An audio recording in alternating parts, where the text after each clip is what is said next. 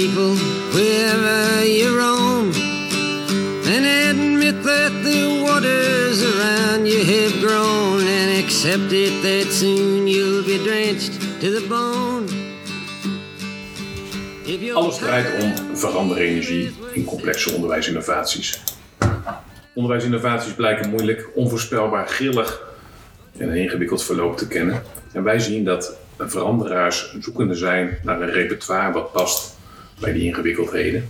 Mijn naam is Remco Koppels en naast mij zit Sander Toby en samen onderzoeken we hoe we veranderaars een passend repertoire kunnen bieden in dit soort eigenaardige processen.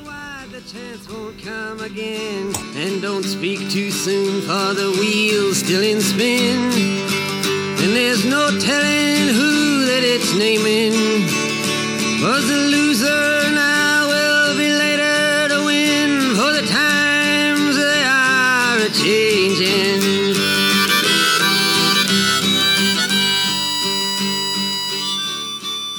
Deinende betekenisvelden, Sander. Ja. Wat, wat roept dat bij jou op? Bij Dijnen, dan moet ik gelijk aan de zee denken. En eh, oh, wat we, eh, er is een, als, als je zeiler bent, dan weet je dat eh, het IJsselmeer heeft een hele andere deining dan de Waddenzee bijvoorbeeld.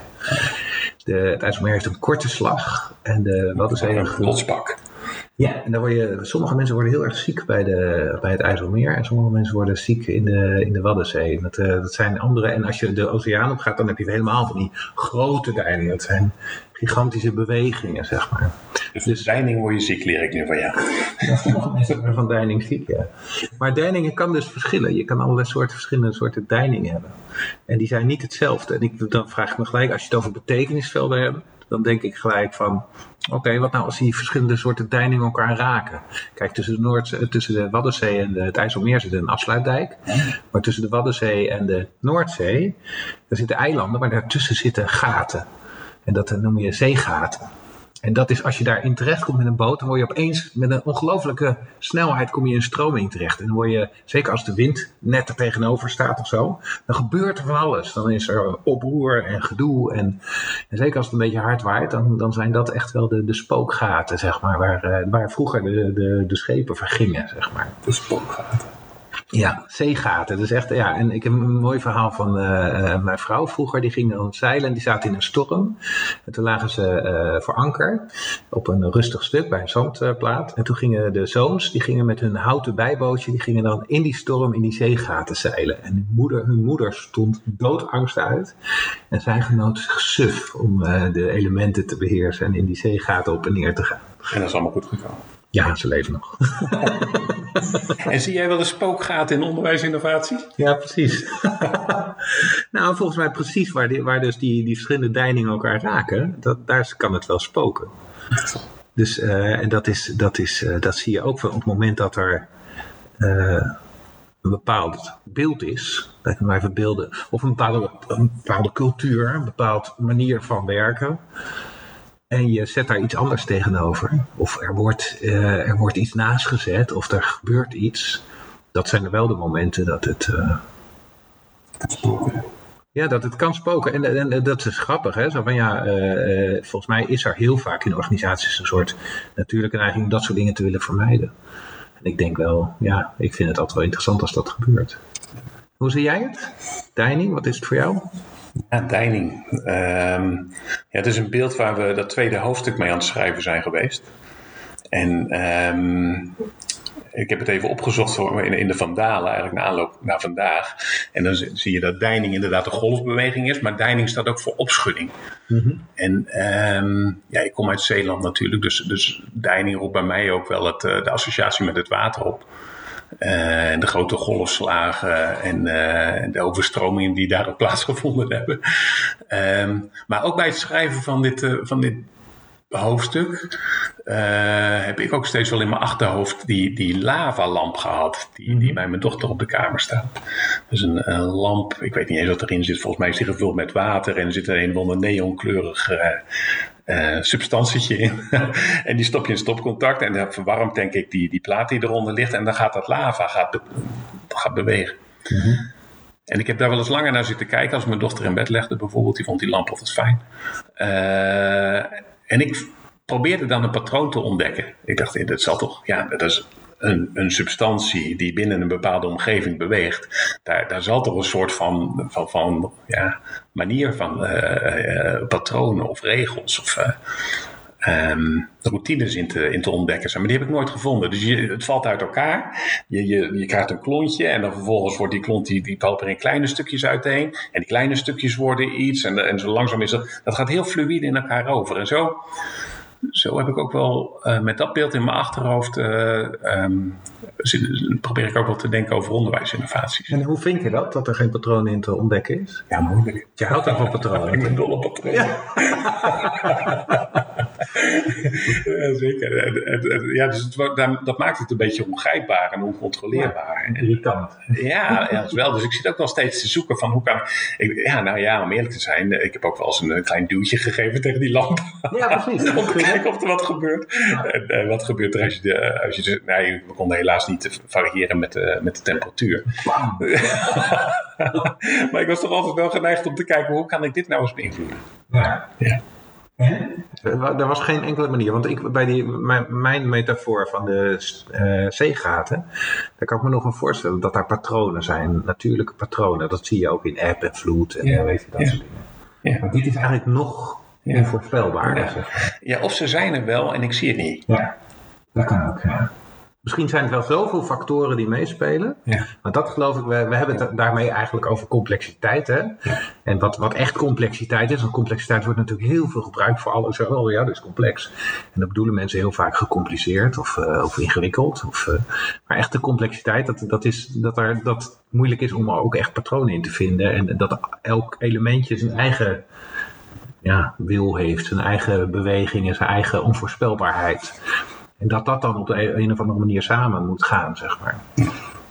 En wij zijn uh, met het hoofdstuk bezig geweest vanuit van ja, wat, wat zien we daar nou voor beweging eigenlijk? Kan je daar toch iets mee? Dat dat, dat proberen we in dit uh, hoofdstuk te beschrijven. Maar voor we het hoofdstuk ingaan, hebben we met elkaar afgesproken vorige keer dat we ook even zouden terugkijken in onze werkwijze. We schrijven elke keer een hoofdstuk, mhm. nemen daar een podcast over op. En we zetten dat op onze website, hè. spelen met veranderenergie.org. We hebben gelijk even de disclaimer uh, gemaakt. Um, en uh, we hebben ook afgesproken dat we altijd even terug zouden kijken op uh, de vorige. Heb jij leuke reacties gehad? Op, uh... Ja, ik heb leuke reacties gehad. En, maar wel vooral op de podcast. Ja. Dus op het, uh, op het eerste hoofdstuk nog niet eens zoveel.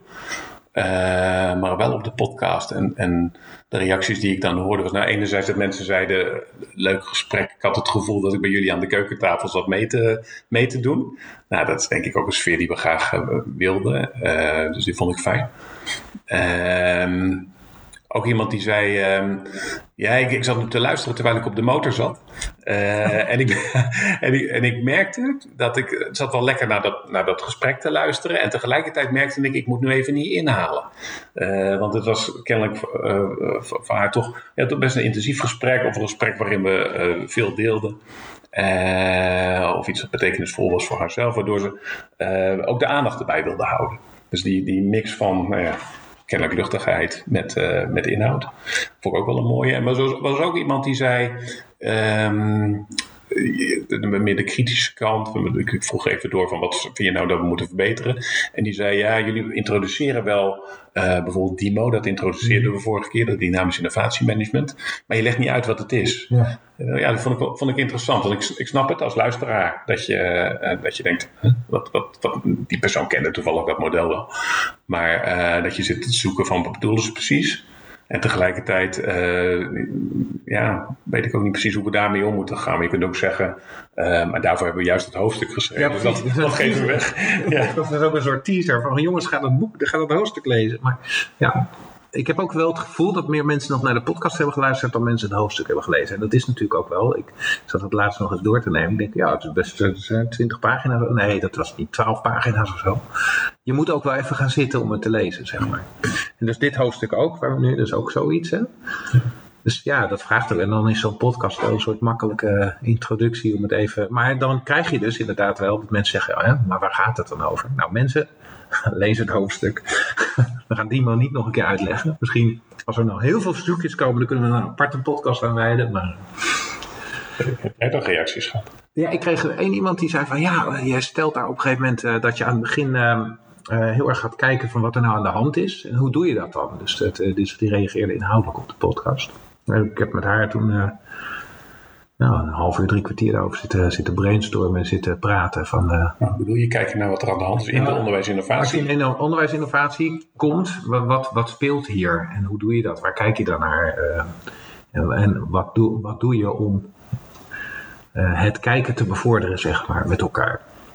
Stel je als het ware je veranderdiagnose, is dat wat je Ja, ja. En daar hebben we het over gehad van, ja, wat, wat, wat doe je dan eigenlijk in de, in de praktijk, zeg maar.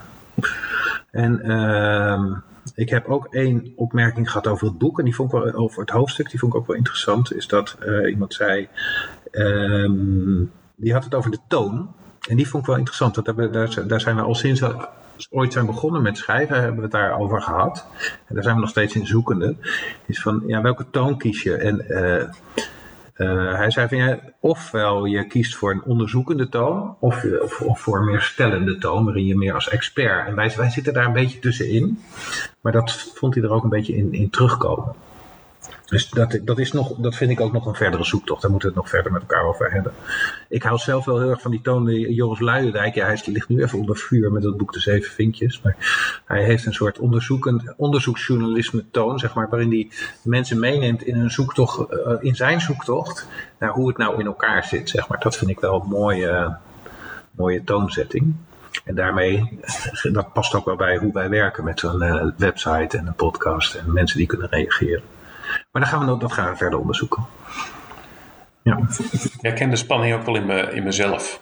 De, dus enerzijds, ja, we hebben natuurlijk wel eens nagedacht over onderwijsinnovatie en, en uh, zijn ermee bezig, werken er intensief aan. Het, nou, ik zou nog net niet zeggen beheers mijn leven, maar het is toch wel een thema wat, uh, wat veel aanwezig is. En tegelijkertijd weten we ook heleboel niet. Dus het is een beetje de balans ook zoeken tussen... Wat weten we wel en, uh, en, en, en, delen we daarin. Ja. Uh, en anderzijds, wat weten we niet en waar zijn we naar op zoek? Ja. Ja, en ook de rol, dat, ik merk het zelf terug ook in de rol als adviseur. Want het er net buiten aan tafel even over. Van, uh, hoe stap je in hè? en hoe word je ook gezien? Word je, word je, ben je de expert die komt vertellen hoe het moet en die mensen aan de hand neemt? Of ben je juist ook meezoekend? En uh, want een expertrol wekt ook aan allebei kanten um, allerlei verwachtingen op. En ook zo ja, en, en, en het lijkt, wekt ook de illusie op dat, je, dat het altijd zo gaat. Of dat jij precies weet hoe het gaat en dat er, dat er een, bijna dat er een soort een weg is. Terwijl, ja, eigenlijk is een deel van ons betoog juist, en dat is, waar we, dat gelijk een bruggetje naar de rest van het verhaal ja, het is vaak complex. En dan is er ook niet zo. Dan is het zoeken naar de patronen zelfs. Van ja, zijn die eigenlijk wel te vinden? En hoe zit het? En uh, wat kan je daarin doen? Daar gebruik je je expertise voor. En voor een deel ook je onzekerheid en je kwetsbaarheid. En je, ja. en je onderzoekend vermogen. Ja, en dan moet je ook stevig genoeg in je schoenen durven staan om je kwetsbaar op te stellen, zeg maar. Nou ja, dat speelt ook allemaal in het schrijven van deze hoofdstukken en uh, in het doen van deze podcast. Dus dat is een één grote zoektocht. Okay. De, we duiken nu de, de, de deinende betekenisvelden in, uh, Sander. Uh, ons tweede hoofdstuk. Ik vind het een spannend hoofdstuk. Ja, waarom? Um, waarom? Ja, spannend omdat het um, ook wel een fundament ligt, denk ik, onder, onder ons verhaal. Mm -hmm. uh, we, we, vertrekken toch vaak vanuit de onderwijsinnovaties enige mate van complexiteit hebben. En daar, daar ga je al, hè? enige mate van complexiteit. Dus uh, ja, hoe complex is het nou eigenlijk? Of zit er, is, is, het complex? Is het een ingewikkeld veld met over elkaar buitenlandse mensen en, en de factoren? Zoals, zoals die lavalamp van mijn dochter, waar, waar geen patroon in te ontdekken is. Mm -hmm. Um, of vinden wij het ook wel heel plezierig dat het complex is? hebben we daar een soort taal en een soort uh, goeroes die we daarin uh, onderzoeken, die we ook, ook fijn vinden. waar we onze eigen complexe werkelijkheid aan het maken zijn. Dus is onderwijsinnovatie complex of is het eigenlijk fictie? Maken we eigenlijk gewoon onze unique selling point. Zo, wij weten van complexiteit, dus daarom moet je ons hebben. En het is allemaal complex. Dus moet je ons hebben. en dan in de maak van het hoofdstuk duiken we dan in, ja, toch ook zo'n Thijs Homan hebben we veel aange, aangehaald. Uh, Hans Vermaak, de KLW, Stacy, Snowden. Ja, noem eens maar. In, het onderwijs heb je tegenwoordig ook uh, allerlei mensen die, die daar zwaar mee bezig zijn. Um, en ik, ik, ik, merk dat het een zoektocht ook is, omdat het een. Um, uh, het, is geen, het zijn al geen vanzelfsprekendheden. Uh, of dat je bij alles wat je ziet gelijk drie voorbeelden voor ogen hebt. Dat je denkt, ja, zo gaat het natuurlijk altijd. Het is ook een beetje, een beetje een nieuw taalspel wat we introduceren, denk ik, in dat tweede hoofdstuk. Dat maakt het misschien spannend ja, voor. Het is ook een beetje een tegengeluid wat je brengt. Want je zit, we zitten vaak in omgevingen waarin het, het, traditionele geluid in, in innovatie is, is toch een beetje het projectmanagement geluid, zeg maar. En dan is er nog wel wat veranderkundigs. Hè? En dan hebben we agile en lean en, en al dat soort. Ja, maar dat zijn allemaal wel goed georganiseerde, voorspelbare uh, uh, methodes, processen die je, die je goed kan besturen, zeg maar. En misschien. Uh, je krijgt het natuurlijk het risico als je zegt van ja, maar wacht even, dat is niet, dat is niet alles. Soms kan het niet zo, hè? of vaak kan het niet zo, zeggen wij eigenlijk. Um, ja, en, en, en dan, kom je met iets heel wolligs. ja, uh, het is allemaal complex en uh, er trilt van alles en er deint van alles. En uh, ja, dan kan je eigenlijk, je kan er een beetje in prikken. Je kan proberen de, de, de temperatuur van die lamp wat op te, om, te beïnvloeden, maar het is eigenlijk heel moeilijk om patronen te zien ja, dat is ook eigenlijk een beetje een, een, ingewikkeld geluid wat, je, wat je brengt. Ja, en ook in de, een ingewikkeld geluid en ook de, um, om het te begrijpen, maar ook waar heb je invloed op? Ja. Dus ik zie ook bij een paar van die auteurs die zeggen eigenlijk, ja, dat complexiteit, dat moet je gewoon laten gaan. Dat, kun, je, dat kun je helemaal niet beïnvloeden. Holman zegt dat, hè? Die, die, zegt heel duidelijk van, ja, weet je, als het, uh, je, moet, je kan proberen te begrijpen, maar je moet niet proberen om daar uh, sturingen aan te brengen. Ja. Hm. ja. Ja, geen sturing. En, en, en dan hoor je aan de andere kant zeggen mensen van nee, maar je kunt wel misschien vanuit een af en toe eens dichter bij vuur gaan zitten of, of vanuit de buitenkant. En de, de termen sense, probing en response. Dus prik een beetje, kijk goed wat er gebeurt en, uh, uh, en doe iets met de reactie die je krijgt. Dat, dat lijkt dan meer de, de, de manier om in complexe systemen invloed uit te oefenen. Ja, en wat volgens mij ook speelt, is dat heel vaak situaties kunnen als geheel best complex zijn, maar daar zitten best vaak ook stukken in, in een innovatie, die wel voorspelbaar zijn en die, wel, die je wel gewoon kan organiseren. Zeg maar. Dus, dus de, dat vraagt ook om de hele tijd van waar zitten we nou eigenlijk, wat gebeurt er nu? Over waar zitten we eigenlijk gesproken? Zouden we dat concreet kunnen maken? Dat, dat, die, die, die deinende betekenisvelden, wat zei je? Je moet het wel een beetje uitleggen, ja. Hebben wij een, een, een casus, heb jij, heb je, ik hoop altijd een beetje op jou, heb je casus op je netvlies, uh, die, uh, waarin die deinende betekenisvelden aanwezig zijn? Ja, ik zit bij een, ik ben nu bezig bij een opleiding, bij een aantal opleidingen. En daar hebben ze eigenlijk van oudsher een vrij traditionele manier van werken. Zo van, eh, de docent is, uh, nou even kort gezegd, lesboer, die voert uit. Die, uh, dat zijn door andere ontwikkelde methodes. Uh, er is een soort vaste landelijke examen, examinering. dus, en er is een organisatie die zorgt dat docenten hun lessen geven. En eigenlijk is zo'n heel curriculum, zo'n heel onderwijsplan, dat is ook ja, eigenlijk al jarenlang hetzelfde. En uitgevers hebben een belangrijke rol in het, in het verzorgen van het lesmateriaal. Zeg maar. Dus dat is een, heel, ja, een manier van werken die heel lang zo heeft gewerkt. En, maar de, die opleidingen die willen nu wat anders. Die willen wel meer organisatie in het team zelf, meer, meer, meer zeggenschap ook in die teams. Die willen ook dat, dat docenten zelf betrokkener zijn. Ze willen eigenlijk ook betrokkener studenten. Dus dat vraagt ook om een minder houding van gewoon wij vertellen hoe het moet. En, dus ze willen van alle. Persoonlijk leren is heel belangrijk. Het bedrijfsleven erbij betrekken, het werkveld erbij betrekken ze heel belangrijk. Hebben ze allemaal goed onderzocht. En dat willen, er is ook grote bereidheid om dat te willen. En dan loop je dus tegen zo van ja, dat is dus we hebben een, een betekenisveld over hoe het is nu en hoe, ook hoe je het met elkaar doet. Dus er zijn meerdere betekenisvelden. En dat is eigenlijk redelijk stabiel. En dan wordt er nieuwe betekenisvelden naast gezet, waarvan mensen ook zeggen nou, dat willen we wel. Bijvoorbeeld dat persoonlijk leren is echt een nieuw betekenisveld. Maar waar mensen eigenlijk geen idee hebben. En op het moment dat je dat dan gaat verduidelijken, met, met elkaar gaat bespreken, daar, daar, daar betekenis aan gaat geven, zeg maar, ja, dan ontstaat er heel veel onrust. Want dat alles gaat trillen of deinen misschien wel. Uh, we hadden het net ook over het verschil tussen trillen en deinen. Uh, ik denk, misschien is het wel, echt deinen, dus grote, grote bewegingen. En mensen worden daar onzeker van. En schieten heel, op het moment dat het moeilijk wordt, hebben ze ook de neiging om weer terug te schieten ja, wacht even, we hebben behoefte aan voorspelbaarheid. We hebben behoefte aan sturing. We hebben behoefte, vertel ons hoe het moet. Uh, ja, moeten wij dit doen? Ik krijg ook meer van, ja, wacht even, vertel, vertel nou maar uh, de beslissingen. Dan gaan wij dat wel uitvoeren. Dus dat zie je allemaal ontstaan. En het vraagt heel veel geduld en organiseren van die beweging onderling. Van, van, de, van, van het eigenlijk maken van nieuwe betekenisvelden. En betekenis geven aan die betekenissen. Is het nog te volgen? Voor mij nog wel, maar ik doe wel mijn best. nou ja, dat, dat, vraagt dus ook heel veel tijd. En, heel, en, en uh, het is ook een beetje on, onvoorspelbaar. Behalve dat je kan volgen wat er gebeurt. En dat als je dit een paar keer hebt meegemaakt, kan je wel zien van, oh ja, maar dit deint wel de goede kant op, zullen we maar zeggen. dus de stroming zit er wel op de goede manier in. Het zijn geen spookgaten. Nee, en uh, geen, geen zeegaten. Ja, precies. Ja, of soms wel, maar dan hebben, ze, dan hebben ze een betekenis ook weer.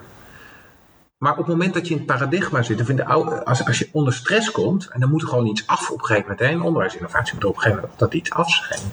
Ja, dan is dat wel, uh, dan, dan moet er op een gegeven moment ook gewoon gezegd worden, oké, en nu concreet, wat gaan we doen? En dat is, die is ook altijd lastig. Even te kijken of ik je daar een aantal dingen hoor zeggen die we, die we misschien een beetje uit, uit elkaar kunnen trekken. uh, van mij zeg je, er zijn, er zijn allerlei betekenisvelden die zijn er eigenlijk al in, dat, uh, in die organisatie waar jij zit. Maar nu komt er uh, een soort deining omdat er nieuwe betekenisvelden aan toegevoegd worden. Ja. En die nieuwe betekenisvelden, dat ging over gepersonaliseerd leren. Leren, eh, maar ook anders organiseren, anders samenwerken. Uh, en werkveld, hè? dus, dus uh, betekenisvoller in, in, de, in de omgeving. Dus dat zijn de drie grote elementen. Ja. Dus ontstaat een soort opschudding. Ja. En uh, als ik denk aan wat wij in het uh, hoofdstuk beschrijven, dan zeggen wij, er zijn eigenlijk een soort van twee kernprincipes. Um, om bestaande betekenisvelden die tamelijk zich vastgezet hebben, om daar wat beweging in te krijgen. Ja. Dat eerste kernprincipe eh, gaat van binnenuit en het tweede gaat van buitenaf, zou je kunnen zeggen. En allebei leiden tot, tot losmaken van bestaande betekenisvelden. Ja. Um, die eerste zeggen we, je moet betekenisvelden toevoegen. Um, dus een expert bijvoorbeeld uh, uh, erbij halen, die, die gaat vertellen hoe de ja, wat er op dit moment vaststaat, dat er nieuwe inzichten wel zijn. En daarmee geeft hij een nieuw betekenisveld. Of um, een groepje docenten. We, we, beschrijven in het hoofdstuk ook een casus van twee opleidingen die meer moeten gaan samenwerken met elkaar. Um, stel dat je dan, en, en dat is moeilijk, want dat, die ene opleiding heeft een betekenisveld, die andere opleiding heeft een betekenisveld. En ondanks dat de opdracht niet zo ingewikkeld lijkt, in de zin van kun je onderzoeken hoe we tot een gezamenlijk curriculum kunnen komen, blijkt dat daar al uh, lange tijd uh, aan getrokken wordt en het tot, niet tot stand komt. En toen we dat beter gingen proberen te begrijpen, zagen we dat er eigenlijk twee betekenisvelden zich vastgezet hebben, die, uh, die niet losgemaakt konden worden. Dus ik zat later eens te denken, stel dat je nou twee docenten van het ene team en twee docenten van het andere team, die welwillend waren, uh, bij elkaar hadden gezet. En die samen misschien ideeën voor een nieuw programma hadden gemaakt. Uh, dat zou een nieuw betekenisveld hebben kunnen zijn. Ja, precies. En daarmee dus dat je de bestaande betekenisvelden wat losser maakt. Dat, is, dat is eigenlijk het eerste kernprincipe. Ja. Zat, zat hier ook in de, uh, het voorbeeld wat jij zegt, dus van binnenuit eigenlijk kijken of je betekenisvelden losser kan maken? Ja, wat je hier ziet is dat er een, uh, in deze, bij deze opleiding wordt er een project gevormd voor mensen van de verschillende opleidingen. En die gaan met elkaar gaan ze nadenken onder begeleiding van een externe, wat ik ben. En later hebben we nog meer andere externe ook bijgehaald op verschillende sub-onderwerpen, zeg maar. Dus daar doe je eigenlijk weer hetzelfde. Dus dan uh, ga je uh, kijken van oké, dat persoonlijk leren, wat betekent dat nou eigenlijk voor onze gezamenlijke opleidingen? Dus eigenlijk doe je daar precies wat jij beschrijft. Ja. Ik moest te denken, tegenwoordig uh, hoor je vaak van ontwikkelhubs, werkplaatsen, mm -hmm. uh, ateliers. Ja. En, en, en, ik heb lange tijd gedacht, oh, maar dat zijn dus op een microniveau onderzoeken wat je eigenlijk wil. En nu, als het, als het um, framen in termen van, van dit hoofdstuk, dan zou je ook kunnen zeggen, ja, wat er op zo'n, in zo'n ontwikkelhub gebeurt, of op zo'n werkplaats, is dat een groep mensen eigenlijk een nieuw betekenisveld het maken zijn. Ja. Nou, dat vind ik heel mooi. Je hebt bij uh, een, instituut waar ik uh, heb gewerkt, daar hebben ze nu een lab ge, gestart. En dat, uh, daar, daar doen ze experimenten. En daarmee verschuift dus, je, in, de, in de maatschappelijke discussies noemen ze dat een raam van over, window of overtoon. Dus wat, wat normaal is, uh, door aan de extreme kanten uh, activiteit te ontwikkelen, verschuift wat normaal is. Want dan verschuift het op naar die extremiteit en dan is het midden van dat veld, ja, dan is daarmee dus de, de, de gemiddelde is ook verschoven. Dus het normaal wordt anders. Nou, zie je ook in allerlei maatschappelijke bewegingen rond rechtsextremisme, linksextremisme enzovoort. Uh, maar binnen onderwijsinnovatie, op het moment dat je, dat je zo'n lab start, dan experimenteer je en daarmee uh, voeg je een nieuwe, dan ga je eigenlijk aan de extreme kanten zeggen van hé, hey, zo kan het ook. Hé, hey, dat is wel heel anders. Maar dan, wordt het, krijg je dus nieuw normaal eigenlijk. Dus daarmee verschuift en daarmee beïnvloedt, dan gaan dus die betekenisvelden, die gaan deinen. Dus die gaan uit hun stabiele positie, denk ik dan. Het window of overtool? Ja. En, en, dat doe je dus als veranderaar ook. Dan ga je in dat window ga je spelen en je zet een betekenisveld ergens op een extreme, waardoor je hoopt dat het gemiddelde opschuift. Is dat... Ja, zo zou je het kunnen gebruiken. Kijk, dit is een beschrijvingmodel. Dus ja, dit gebeurt er. Je ziet allerlei maatschappelijke bewegingen en daardoor verschuift dat window, daardoor verschuift eigenlijk wat normaal is. Maar daar kan je, ik denk dat je daar door, door dingen toe te voegen, door betekenissen toe te voegen, door begrippen te introduceren, door van alles, door, door een discussie over een onderwerp op te starten of door te experimenteren, ja, uh, zorg je dat er beweging komt. Hoi. En zie je ook tegenbewegingen, de mensen die zeggen, ja wacht even, oh leuk en aardig, maar uh, dit is wat wij doen. Kom daar niet aan. Dus die zitten vast in hun of die zitten vast, dat klinkt negatief. Maar sommige, soms hebben ze heel goede reden. Die zijn nog niet bereid om in te wisselen nee, voor een nieuw betekenisveld. En dat kan ook echt een hele, hele goede, goede reden. Je ziet in de gezondheidszorg wordt er constant aan alle kanten door verzekeraars, en uh, dit is een beetje vanuit mijn perspectief wat ik hoor, maar wordt er ge, ge, getrokken aan die, aan die wat, wat normaal is, zeg maar. Ja, die behandelaren komen daar fel tegen in verzet. Ja, en gelijk hebben ze, vind ik. Dus, en dat kan bij docenten net zo goed zijn. Een tweede kernprincipe, uh, dat doet hetzelfde in de zin van het, het, het, het uh, fragmenteert betekenisveld. Ja. Maar dat is uh, de invloed die je van buitenaf op kan leggen. Um, dus door aan de, uh, aan de randvoorwaarden of aan de tijd of uh, door, door, door, door betekenissen toe te voegen vanaf de buitenkant, kan het gaan schudden in de binnenwereld. Als een voorbeeldje bij uh, een, een ondersprogramma waar ik bij betrokken ben geweest, um, waren, waren verschillende docenten waren er actief. Dat was een leuk programma en we geloofden met z'n allen, leek het in het betekenisveld, laten we het uh, de goede studenten zo, uh, zo, zo goed mogelijk uh, uitdagen om het, het maximaal uit zichzelf te halen. Maar er zaten ook wel betekenisvelden onder. De een zei, nou moet dat nou voor zo'n eliteclubje, zou dat niet voor iedereen kunnen zijn? En nou, zo waren er verschillende mensen die verschillende posities daarin hadden. Um, er kwam een moment dat het, dat het management bedacht dat de subsidie die we kregen voor studenten, dat die gehalveerd zou worden. Ja.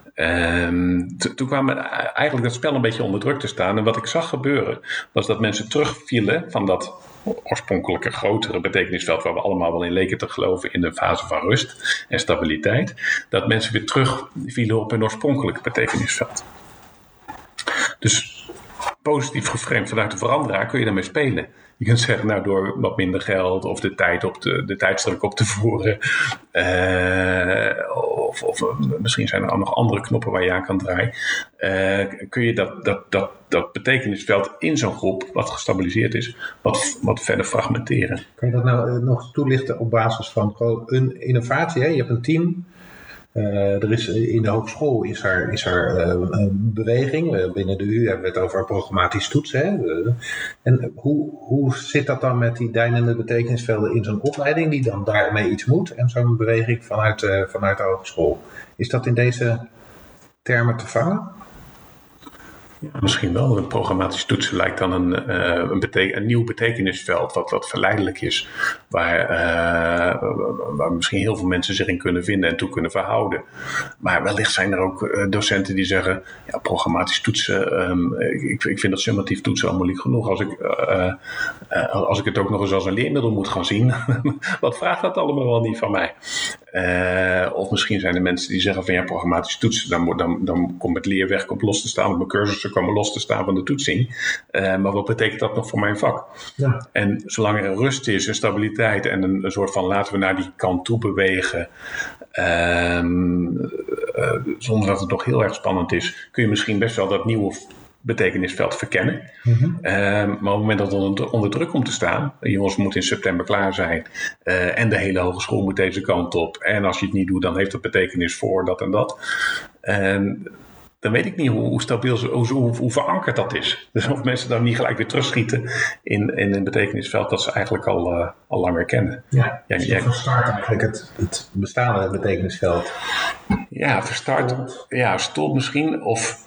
Um, ik vraag me ook altijd af hoe, hoe, hoe duurzaam, hoe ja, duurzaam is maar zo'n hip, mm -hmm. maar zo, hoe verankerd is dat? Dus, dus, je denkt dat je met z'n allen gelooft in een, een nieuw betekenisveld. En die moment dat er, uh, dat er druk op komt te staan, dan, dan vervliegt het ook weer. Dat zag ik niet in die lavalamp trouwens. Dan bleef het toch steeds wel ergens, maar dan werd het, werd het een kleiner betekenisveld. Ja. Herken je het? Of, uh... Ja, zeker. Maar ik, ik, zit dan te denken van, even in de terminologie van die deinende betekenisvelden. Als je daar dan, dan zeg je daarmee dus eigenlijk op het moment dat je daar, nou, als je te hard duwt, uh, dan, uh, je hebt, je, ken je maizena? Dat is vloeibaar. Als je het aanlengt met water, dan krijg je een soort pakje. Mm Dat is vloeibaar. Cement is trouwens hetzelfde. Als je, daar kan je gieten. Maar op het moment dat je er hard op slaat, wordt het hard. Daar moet ik aan denken. Dus het kan bewegen, maar op het moment dat je er druk op uitoefent, dan wordt het opeens, dan krijgt het, uh, dan voegen de moleculen zich samen en dan wordt het hard. En dan wordt het dus uh, onbeïnvloedbaar, dan biedt het weerstand. Ja. Mooie vergelijking. Dus ik denk ook dat je me als veranderaar daarmee kan spelen. Ja, precies. Want daar, daar, daar, dat is dan vervolgens natuurlijk de vraag van, uh, nou neem het programmatisch toetsen en je wil dat opleidingen daar iets mee doen. Hoe kan je dat nou aanpakken? Ja, precies. Ja, precies. En in, in het hoofdstuk beschrijven we twee hefbomen. Ja. Uh, ja, en die gaan daar eigenlijk over. Dus die hefbomen gaan erover. Hoe, hoe kan ik die principes in de ingang zetten? Um, ja, we hebben het er ook over gehad in het hoofdstuk hierna. Gaan we dat verder uitwerken. Hè? Maar wat kan je dan, hoe ziet dat er dan in de praktijk uit? Wat, wat doe je dan eigenlijk? Daar ben ik wel heel nieuwsgierig naar. Ja. Ook uh, over die verankering. Want als ik met dit hoofdstuk bekijk, dan denk ik dat het vooral gaat over hoe kun je in een bestaande, uh, beetje toch vastgezette betekenisveld, hoe kun je daar beweging in krijgen? Ja. En uh, de, de, stap naar verankering of verduurzaming of het, het, het, vastgrijpen en het geloven en het met z'n allen gaan voor dat nieuwe betekenisveld. Ja, en ook wat, wat gebeurt er dan daar precies? Hè? Op het moment dat je daar beweging, wat gebeurt er dan? En wat, wat, heb je daar op de, waar zitten je, je, je, je haakjes waar je aan kan trekken? Of de duwplekjes? Ja. Die, uh, ja, die, die zijn dan uh, die, die zijn interessant om verder te onderzoeken. Ik, ik zit te denken nog, Sander, aan, uh, als ik nog een voorbeeldje mag geven. We, de laatste dan. De laatste, gezien de tijd. We hebben... Um, we hebben een leuke oefening met, met golfbal. Dus we organiseren eigenlijk chaos door in een paar groepjes te vragen om, uh, aan mensen om golfballen door te geven. En um, deze week deed ik die oefening nog. En uh, haalde iemand, ik zal de clue niet vertellen, mocht hem nog eens uh, in willen zetten. Maar haalde iemand van tevoren, die kwam naar me toe en die zei: Hé, hey, maar Remco, wat is nou precies? Uh, en stelde mij een vraag en kwam ook naast me staan. en, en ik had het idee ik kom hier niet mee weg.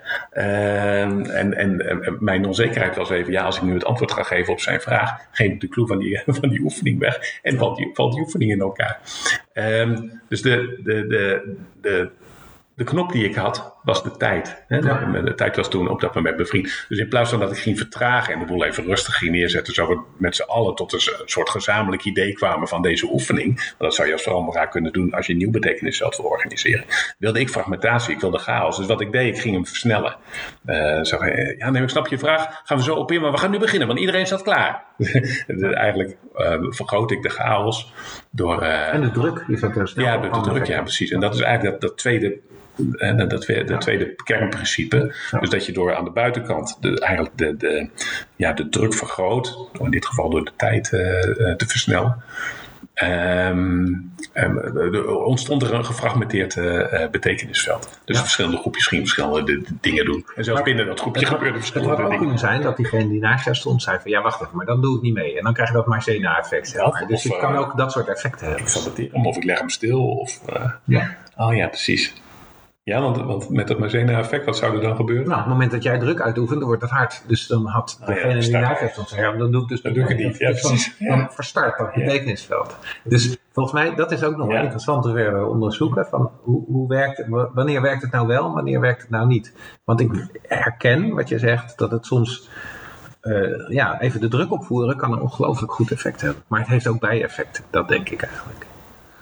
Het is mooi om dat te blijven onderzoeken. Zeker. Als, als veranderaar, en dan werken we toe naar de afsluiting, denk ik, als veranderaar kun je eigenlijk spelen met die twee eh, kernprincipes. Van, van, van binnenuit kijken of je de, de fragmentatie kunt organiseren in de betekenisvelden, of van buitenaf door factoren toe te voegen, waardoor de fragmentatie ontstaat. En de uitdaging, maar goed, dan gaan we naar een volgend hoofdstuk toe, is hoe zo'n dan het nieuw betekenisveld wat dan ontstaat, eh, gaat verankeren. Ja, en wat daar allemaal uitkomt. Ja. Spannend. Oké.